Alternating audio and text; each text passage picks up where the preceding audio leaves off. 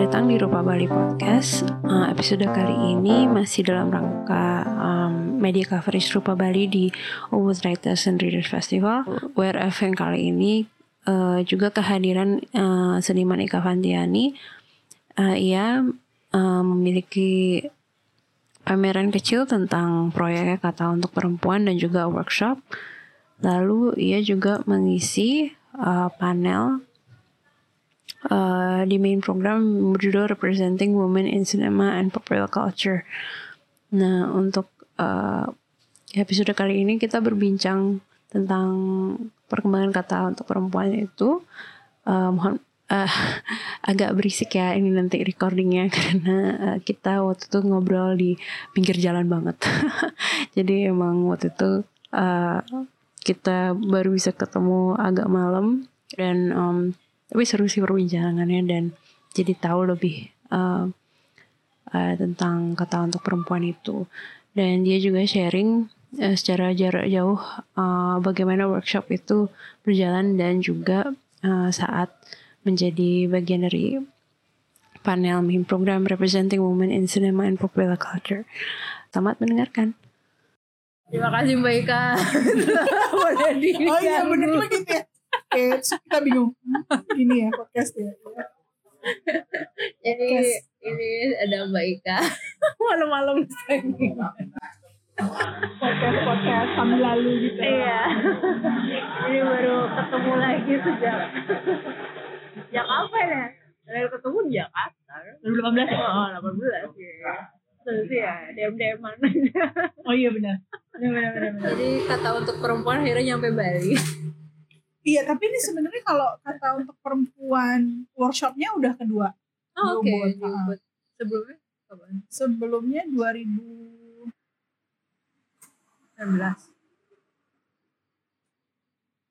17. Oh, 17. Di sempat di Rome ada satu ada satu co-working space. Oh, Rome. Oke, okay. uh, ya, di situ. Ya, ya, ya, ya. Uh, ya di situ hmm. uh, sekali offline workshop kata perempuan hmm, gitu. Iya, iya. Terus berarti yang kedua kali berarti yang besok di Ubud Writers uh, offline workshop yang kedua iya, ya iya. di Ubud ya. Eh, ceritain dikit nggak? Apa?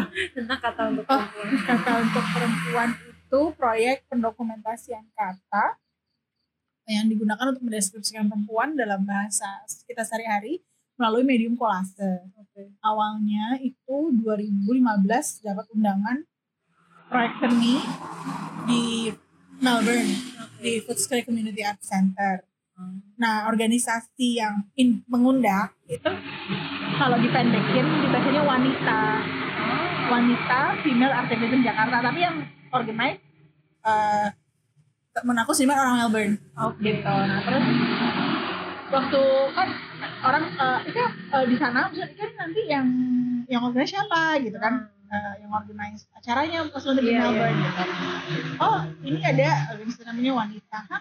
Kok wanita kenapa nggak perempuan? Gitu. Oh. Tiap kali aku bilang namanya yeah, wanita yeah, orang kayak ah, wanita nggak perempuan. So oh iya benar juga ya gitu. Oh benar juga ya, benar juga ya gitu menarik juga ya orang kadang-kadang kayak bukan tentang salah benar gitu, cuman yeah. kayak oh, kok ini kok nggak itu gitu. Yeah, yeah, yeah. Itu sih awalnya. Saya aku juga pikiran, oh, ya benar juga ya sebenarnya di luar sana tuh ada banyak banget bahasa atau kata yang sebenarnya artinya perempuan. Yeah. Cuman kan beda-beda banget ya. Maksudnya cara persepsinya orang, orang lihatnya gimana, kebiasaan ngomongnya gitu. Terus juga belum uh, bahasa tradisional lokal ya gitu. Belum lagi bahasa asing gitu kan. Nah, jadi waktu itu pasti eh, ditanya dia mau bikin workshop nggak? Nanti di di Melbourne itu di acara. Kita itu bentuknya ada pameran uh, workshop sama FGD itu tuh aku uh, Ayu Dila sama Mariska Soekarna. Ya terus pamerannya kami bawa total tuh 11 karya. Eh 11 seniman dan uh, perempuan Jakarta. Kami pameran bareng pameran di sana gitu. Aku di workshop yang kata untuk perempuan yang pertama kali itu di sana. Terus ada FGD juga. FGD-nya tentang what is it like being like a female curator, crafter, sama artis di Jakarta. Jadi konsepnya kayak gitu yeah. gitu. Nah, pas workshop kata untuk perempuan di sana tuh di Foodspray itu peserta itu 21 orang. Aku merasa pas mereka presentasi karyanya tuh menarik banget ceritanya karena kan dari berbagai macam bangsa, usia, generasi gitu loh. Jadi pilihan katanya sama ceritanya tuh buat aku surprising banget. Belum lagi misalnya orientasi seksualnya atau gendernya dia tidak binari gitu karena itu jadi kaya sekali kan cerita-cerita masing-masing orang ya pesertanya. Nah dari situ kemudian waktu balik usai selesai dari sana balik Jakarta terus aku bilang "Oh, ini kayaknya menarik deh kalau dibikin jadi proyek panjang gitu. Terus aku akhirnya udah mutusin itu kan aku kelar tuh bulan November Oktober ya Oktober November kelar di sana ya. Nah mulai itu Desember 2015 mulai di jalan di Indonesia nya gitu ya. Udah waktu itu udah mulai kayak eh ya saya ada cari tempat yang mau nge-host gitu yang tertarik untuk eh, aku mau bikin ini di tempat lo kamu gitu. Boleh nggak nanti bahan sama dari aku karya sendiri buat gitu gitu. Ya udah jadi sejak Desember 2015 itu sih sampai sekarang ja- berjalan ya maksudnya offline tapi terus eh, pandemi ya. Terus sebenarnya sempat online juga. Tarifnya kayak pamer, berapa kali dipamerin juga kan. Tapi dalam kapasitas sama itunya beda. Misalnya kayak ada yang uh, misalnya bikin uh, bikin workshopnya waktu itu di Jalan Kenangan gitu. Terus pamerannya di Jalan Kenangan juga gitu. Tapi ada juga atau waktu itu di, itu di rodeo gitu kan waktu itu. Proyeknya masih terus jalan dia dipamerkan juga beberapa kali tapi dalam skala yang beda-beda gitu ya terus yang terakhir 2019 di Jogja Biennale kan. Aku sih pengennya eh, memang menerbitkan buku kumpulan karya-karya yang sudah terkumpul tapi aku tapi aku kurasi lagi eh, dengan pembagian yang lebih apa ya istilahnya karena kan sebenarnya mungkin yang menarik sampai hari ini tuh udah ada total lebih dari 500 karya. Banyak banget kan? Eh, karena satu kali satu kali workshop aja 10 aku udah bikin lebih dari 30 workshop. Di Jogja Biennale kemarin aja aku bikin berapa workshop ya? 10 apa 15 gitu. Jadi memang banyak ngerti sih emang bisa sekali workshopnya emang langsung dapat banyak banget kan. Nah tapi sebenarnya yang menarik memang temuan-temuannya gitu ya misalnya secara umum misalnya gitu ya kayak pilihan kata yang berulang. Itu ada beberapa gitu misalnya. Kan walaupun ini kata untuk perempuan di Indonesia bukan konteksnya di Indonesia tapi kan kan terbuka sama siapa aja karena kan juga bisa bahasanya juga cuma Indonesia atau Inggris gitu. Iya bahasa daerah tuh kayak cuma 0,5 persen. Enam puluh persen bahasa Indonesia 40 persen bahasa Inggris. Oke. Menurut aku itu menarik. Iya, pesertanya kan sebenarnya terbuka untuk laki-laki perempuan umur 16 tahun ke atas kan workshop ini. Tapi itu orang lebih sering mikir buat perempuan aja gitu. Jadi kadang-kadang yang menarik misalnya ada cowok nganterin ceweknya di workshop terus aku bilang aja ikutan aja mas. oh boleh ya boleh. Oh ya udah gitu. Jadi menarik kan? ikutan aja emangnya buat cowok cewek kok? Oh oke gitu. Jadi biasanya ada cowoknya ada ceweknya gitu. Itu jadi menarik jadi kelihatan gitu oh cowoknya milih kata apa ceweknya milih kata apa kalau gitu gitu. Menurut aku sih juga yang menarik ini sampai sekarang eh, sebagian besar peserta lebih banyak perempuan gitu ya. Ah, kota di mana aku bikin workshopnya masih sebagian besar di Pulau Jawa. Terus sebenarnya aku beberapa kali tuh like, sempet ngobrol sama beberapa teman juga seniman gitu, kayak mencari perspektif eh, kurasi untuk kalau mau dibukukan nih gitu kan. Iya, iya. Menariknya ngambil dari mana nih? Misalnya gitu. Aku hanya pilih eh, karya kolase yang berbahasa Indonesia, misalnya gitu ya. Dipilah lagi gitu misalnya jadi oh ini pilihan kata yang konteksnya apa? Iya. Yang konteksnya apa? Bisa jadi karena ada banyak banget. Nah aku tuh masih bingung sendiri tau nggak? Ini mau gimana ngemilahnya gitu? Kalau memang akan mau diterbitin gitu kan. Tapi memang secara kekaryaannya juga menarik. Maksudnya karya-karyanya kan juga ada yang memang kayak karya yang ya kalau bikin seniman misalnya beda gitu ya sama misalnya general public. Tapi ada juga general public yang karyanya juga bagus banget gitu dan kuat banget gitu. Dan itu sebenarnya menurut aku yang menarik dari kata untuk perempuan adalah eh, oh satu lagi mengenai kata untuk perempuan itu untuk materi workshop kata untuk perempuan aku hanya menggunakan majalah perempuan dari tahun 60 60 sampai hari ini. Kenapa? Karena eh, secara tidak langsung aku juga ingin sebenarnya eh, ngasih tahu ke peserta eh, perubahan majalah perempuan Indonesia sih sebenarnya. Karena menurut aku itu menarik sih. Conscious unconsciously ya sadar nggak sadar. Kalau kita perhatiin gitu kayak ya iklan sabun cuci gitu misalnya tahun 70 gitu kan beda ya pergeserannya gitu margarin gitu nah itu menurut aku menarik. Bagaimana misalnya wanita karir dipresentasikan di majalah perempuan gitu ya tahun di 70 kan beda sama wanita karir kan tahun 90 nah itu nah. Kadang-kadang memang menarik ya mendengarkan check outnya feedbacknya mereka kan kayak oh gue baru tau lo kayak gini dulu iklan ini gitu. Oh, dulu kayak gini ya kak gitu. Karena yang ikutan yang hari ini kan pasti mereka nggak nggak tahu tahu. gitu. Kayak dulu tuh apa ada loh gitu yang ya. namanya ini oh gitu benar juga ya kak gitu.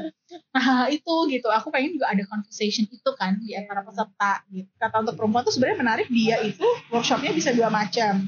Bisa untuk publik bisa juga private. Private itu maksudnya jadi nggak diumumin gitu loh nggak Hmm. nggak di kita nggak buka pendaftaran hmm. tapi untuk particular audience Iya, misalnya iya. kantor misalnya kolektif apa pun. Pokoknya minimum tuh lima orang pesertanya kan kalau biasanya itu Eh, standar tuh biasanya 10 orang dua jam. Dua jam itu udah termasuk dari mulai eh, perkenalan cerita Iya. kelas itu apa terus bikin karyanya dan presentasi. Oh gitu. oh ada Jadi presentasi. ada mereka presentasi. Jadi setiap setiap workshop masing-masing peserta akan presentasi karyanya. Tapi di luar dari itu eh, mereka juga aku minta menuliskan. Jadi selalu di habis breaking karya mereka nulis lagi ini karya tentang apa. Itu Dan yang nanti mereka aku juga naikin. tahu, ya. iya dan itu nanti aku naikin di media sosialnya. Iya iya iya. Jadi kan orang yang pun nggak datang workshop aja Iya. tetap bisa tahu kan oh maksudnya ini nih Iya, gitu. iya. sebenarnya belajar juga ternyata tuh pandemi nggak nggak- ngalamin yang namanya workshop online gitu ya kata perempuan sama offline gitu walaupun memang waktu pandemi juga workshopnya eh, hanya ke orang-orang yang kenal. Iya iya. Karena aku nggak yakin juga aku bisa kalau misalnya bikinnya sama complete stranger gitu. Dan juga kan kadang-kadang ada percakapan atau topik atau conversation yang aku nggak bisa jagain ya iya. Kalau sama bener-bener stranger kalau sama orang-orang yang menurut aku aku udah kenal paling enggak aku masih bisa misalnya ngomong sesuatu yang gitu. Kalau mereka iya, yang mungkin menurut aku kayak oh aku harus ngomong gini nih atau harus ngomong kayak gitu karya-karyanya sebenarnya ternyata sama aja hasilnya. Maksudnya sama kuatnya gitu loh. Mau dibikin online atau offline gitu ya. Yang menarik juga banyak kemudian so aku juga baru sadar sih bahwa kayak banyak masih banyak tempat atau orang yang kayak eh gue masih nungguin lo itu. Kayak kapan nih bikin di gue gitu misalnya kayak gitu-gitu. Oke. Menurut aku menarik sih. Karena kadang aku kan kayak jeda dulu gitu. Orang Iya. yang terus gitu loh kayak "Eh, kapan nih bikin lagi? Oh, berarti kata eh, kata untuk perempuan berarti duluan ya daripada kamus yang Iya, jadi sebenarnya eh, proyek eh, perempuan dalam kamus bahasa Indonesia itu diawali dari temuan di proyek kata perempuan. Untuk Iya. proyek kata perempuan kan dulu udah mikir kalau kita ngomongin kata untuk Iya. perempuan, terus kita me, biasanya itu mengacu ke mana sih gitu? Iya, iya, Nah, itu iya. pasti kamus dong. Nah, waktu itu jadi waktu itu buka kamus kan cuma ada kamus edisi keberapa gitu lupa. Udah ngerasa ini aneh banget gitu kan eh, definisinya, tapi waktu itu nggak nggak memutuskan bahwa mau diteru- di lebih dalam gitu. Cuma oh ini menarik ya kamus kita kayak gini udah. Nah baru pas kemudian ikutan yang proyek SKS itu kan kita ada tugas akhir kan. Ya, karena kuratornya kan Bato sama Pak Har kan. Ya udah jadi aku kan kayak tektok aja gitu eh iya. ide gue gini ide gue gitu. Terus aku ingat oh iya ya. Dulu waktu kata perempuan tuh sempat inget maksudnya oh ya sempat inget bahwa mau oh, temuan ini gitu. Terus baru sadar kayaknya menarik ya kalau di dalemin gitu. Maksudnya spesifik banget kan kayak sejarah kata perempuan dalam ngomong bahasa Indonesia gitu. Nah awalnya itu kemudian ya udah jadi 2018 eh, pameran yang di Ganas itu Iya. itu juga akhirnya abis begitu di approve waktu itu kan sama Berto sama Pahat nah itu baru baru riset kan baru ngumpulin kita kamus cetak yang ada dari situ sih. Tapi terus kemudian udah tahu juga tapi kalau dia udah tahu kalau dari awal udah tahu waktu mulai persiapan untuk per- eh, eh, sejarah kata perempuan dalam kamus tuh udah tahu dia ngaji proyek panjang. Karena emang dari Iya. awal dia emang proyek riset kan. Iya. Bener-bener kayak pendokumentasian tak kamus aja bentuknya macem-macem.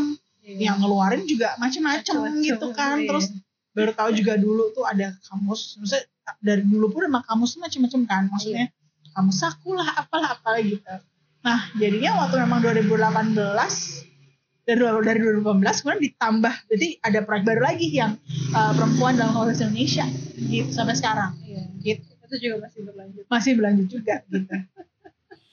Eh, kata untuk perempuan di Ubud Writers and Readers Festival kemarin mungkin menariknya eh, walaupun udah beberapa hari sebelumnya loka karyanya jatah kursinya udah penuh gitu ya tapi eh, pas hari hanya ternyata banyak yang nggak datang gitu separuhnya nggak datang gitu nah eh, ini memang sering terjadi kalau untuk acara tidak berbayar Uh, jadi aku juga ngerasa oh oke okay, so this is happen juga gitu di sini gitu. Untungnya ada beberapa orang pengunjung uh, yang mau ikut tapi belum mendaftar. Uh, terus mereka memutuskan untuk duduk aja nunggu barangkali ada yang nggak datang. Uh, sampai akhirnya ya jumlah uh, pesertanya penuh sesuai yang udah kita siapin. Uh, ada tiga orang peserta laki, sisanya perempuan dengan tiga orang perempuan dari luar Indonesia dan sisanya dari Indonesia termasuk beberapa staff nya URF yang juga ikutan. Karya-karya yang dibuat secara umum lebih banyak dalam bahasa Indonesia, termasuk mereka yang bukan orang Indonesia, namun kemudian memilih tetap menggunakan bahasa Indonesia dalam karyanya. Uh, karena materi kolase yang disiapkan memang semuanya dalam bahasa Indonesia. Menarik juga untuk mengetahui bahwa sebagian besar belum pernah membuat kolase dan ini adalah karya kolase pertama mereka uh, sebagian besar pesan dari karya yang diangkat sifatnya mempertanyakan kembali kata-kata lontaran yang sering kali diterima perempuan, baik dalam konteks positif maupun negatif. Dalam loka karya ini juga ada dua orang seniman kolase yang ikut sebagai peserta. Uh, sedangkan untuk diskusi panel representing women in cinema and popular culture, uh, menariknya karena walaupun kami bertiga berasal dari skena seni yang berbeda, uh, film dan seni visual gitu ya. Uh, aku dari seni visual, uh, Camilla uh, dan uh, Nia Dinata dari film, tapi ternyata tantangan terbesar yang kami alami hari ini sama yaitu sensor dan resiko perundungan serta pembatasan kebebasan kami dalam berkarya tidak hanya sebagai individu namun juga sebagai pekerja seni. Kami menyadari bahwa dibutuhkan berbagai strategi untuk mensiasati ini baik dalam konteks luring maupun daring. Kami menyadari berbagai upaya untuk menyeragamkan perempuan misalnya termasuk dalam representasi mereka dalam media seni yang ada sehingga memiliki support system adalah modal yang paling penting untuk dibangun dan dimiliki di dalam menghadapi tantangan ini. Gitu. Terima kasih ya Safitri. Demikian episode kali ini. Uh, semoga bermanfaat. Uh, jangan lupa uh, follow Instagram kami di @rupabali_podcast untuk update-update selanjutnya dan juga silakan kirim uh, kritik saran di email yang tertera di Spotify kami. Sampai jumpa di episode selanjutnya.